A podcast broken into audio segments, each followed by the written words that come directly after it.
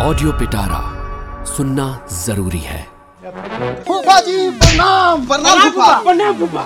खूब खुश रह इस शो के लेखक और वाचक बतावत रहे फूफा जी के बारे में जिनका मूड कब कैसन रही कि हूँ नहीं खे जानत। बेटी दामाद का सारा धोल निकाल बनल बात बिगाड़ी ले राय के पहाड़ बनावे ले।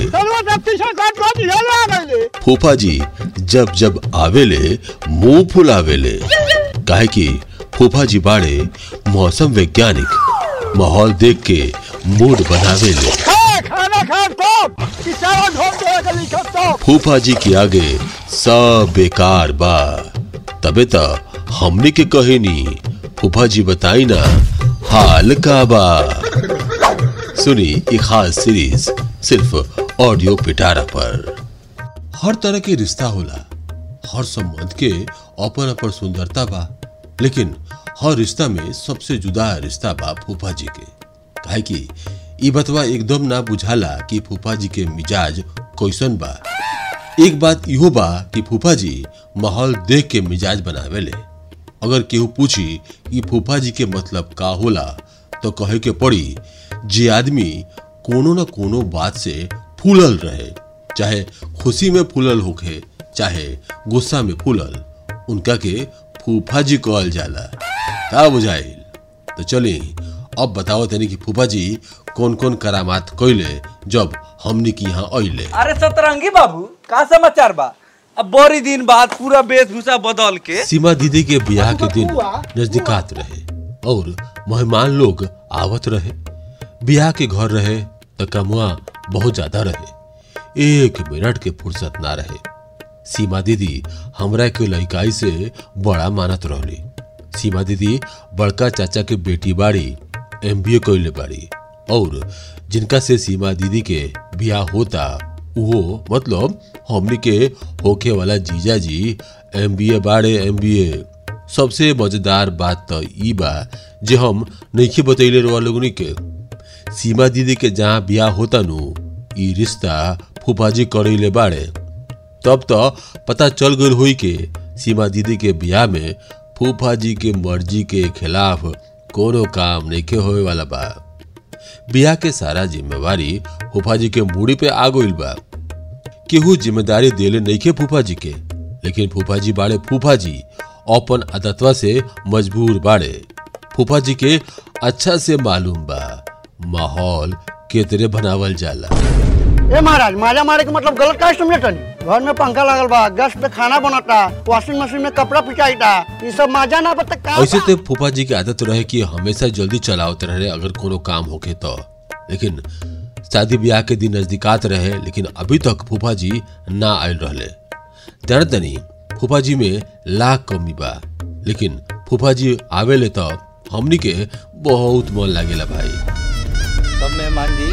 फूफा जी के रहला से रौनक रहेला।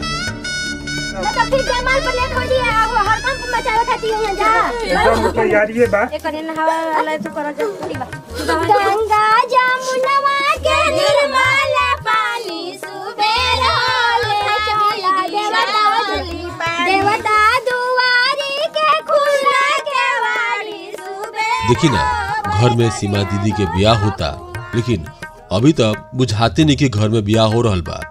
देख ले जैसे फूफा जी आई हैं, पूरा माहौल तैयार हो जाए। तब लागी कि ब्याह घर में बा। हम एक दो बार बाबूजी से पूछ लेनी। बाबूजी फूफा जी कब आवत रे तार फूफा जी बाड़े मूडी।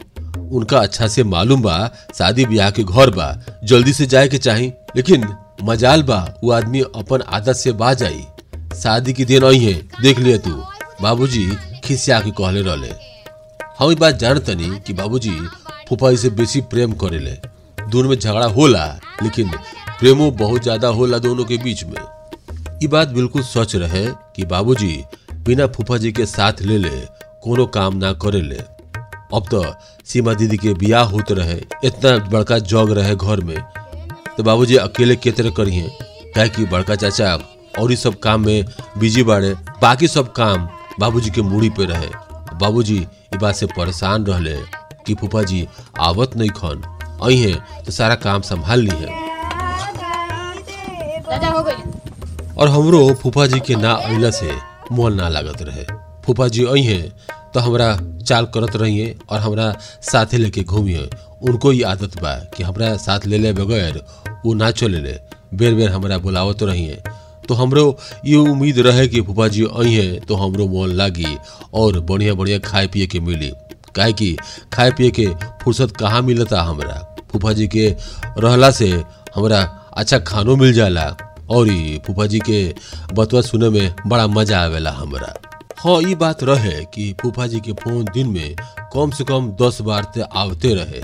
बार बार उ समझावस की करे के बा, इन्हीं के करे के बाराती के इंतज़ाम कहाँ हुई, खाना काका बनी, काका ना बनी, सब कुछ फूफा जी के मूड़ी पर रहे और वहाँ से बैठल बैठल डायरेक्शन देते रहे और यह बतवा से हमार बाबूजी के खीस बढ़त रहे। और जब फ़ोन पर फूफा जी से बात होत रहे, तब बाबूजी कहते रहे कि रुआ कब आओ तनी वहाँ बैठल बैठल डायरेक्शन देतनी। यहाँ जल्दी से आई तब? यहाँ? केकर ब्याह होता है? मालूम बानू? रोर बेटी के ब्याह हो रहा बा। अच्छा तो रुआ का बुझाता? हमरा निखे मालूम। ई ब्याह के करैले बा? से ब्याह होइत, हैं? जेते दोनों भाई के चाल बा केहू रोवाली घर में रिश्ता ना करी? जानते नी अच्छा फिर अपन पढ़ाई शुरू कर देनी रुआ। चुपचाप रुआ, जल्दी आई। अच्छा हम आओ तनी।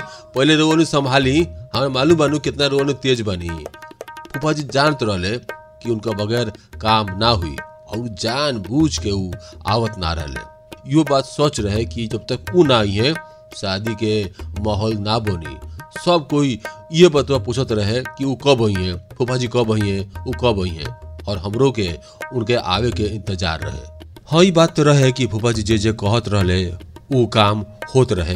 काहे कि फूफा जी जानत रहले कि जहाँ ब्याह होता, सीमा दीदी के उ घर के का डिमांड बा, और का लोग के इच्छा बा के तेरे बाराती के स्वागत हुई, और बाराती के का का चीज़ देवल जाई का का खियावल जाई ई सब बतवा फूफा जी के बेसी मालूम रहे। और हमर बड़का चाचा बेसी ना बात करेले उ कहले कि रउए सब कुछ डिसाइड करी, का करे के बा, का ना करे के बा। मतलब ई रहे कि सब काम फूफा जी के जिम्मे रहे, लेकिन फूफा जी आवते ना रहले। हो सकता है कि उनका काम होई या यो हो सकता है कि उहें से बैठ के सारा काम संभालत हुई हैं लेकिन हमनी के लड़का बुद्धि, हमनी के ये बुझाते रहे कि जबले फूफा जी ना आई हैं, शादी ब्याह के माहौल ना बनी, और उनका अइला के बादे माहौल बनेला यो बात सोच रहे। हमर माइयो कहत रहली, तार फूफा जी ना आइले, सब लोग आ गई और फुओ ना आइल रहली। ई बात तो रहे कि फुआ तबे आई हैं जब फूफा जी आई हैं। जब ले फूफा जी ना आई हैं, फुआ कैसे आ सकत रही बाबूजी के कहल गईल कि तू जा फूफा जी के और फुआ के मना के ले आवो। हो सकता है कहीं उनका दिमाग में कुछ चलत हुई खिसिया गुल हुई कहत नहीं खन। तो बाबूजी कहले कि अब हम उनका बनावे जाई तो यहाँ काम के कितना हर्जा हुई ये खातिर बाबूजी ना गईले बाकी चाचा कहले कि हाँ बात तो सही बा कि तू चल जीबो तो जे काम हो रहा बा वो काम कैसे हुई? काम बहुत रहे, सीमा दीदी के ब्याह रहे और लागत रहे कि ब्याह बहुत दिन के बाद हो रहा बा घर में। ए बार ब्याह ए तरह होके की इज़्ज़त बाचे।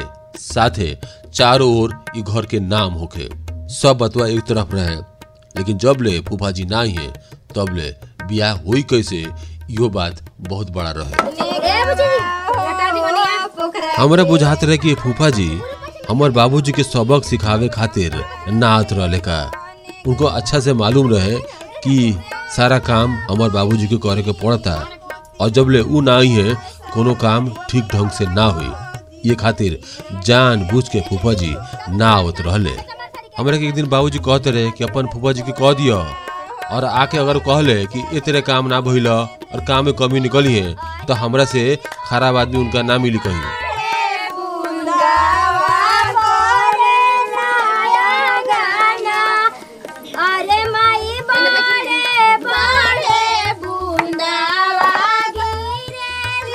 फूफा जी बताई ना हाल का बा शो कैसन लागल? कमेंट में ज़रूर बताई और सबके साथ ज़्यादा से ज़्यादा शेयर करी। ऐसे ही मज़ेदार पॉडकास्ट और शो सुनी सिर्फ़ ऑडियो पिटारा पर। ऐसे ही इंटरेस्टिंग पॉडकास्ट और ऑडियो स्टोरीज के लिए सुनते रहिए ऑडियो पिटारा। ऑडियो पिटारा सुनना ज़रूरी है।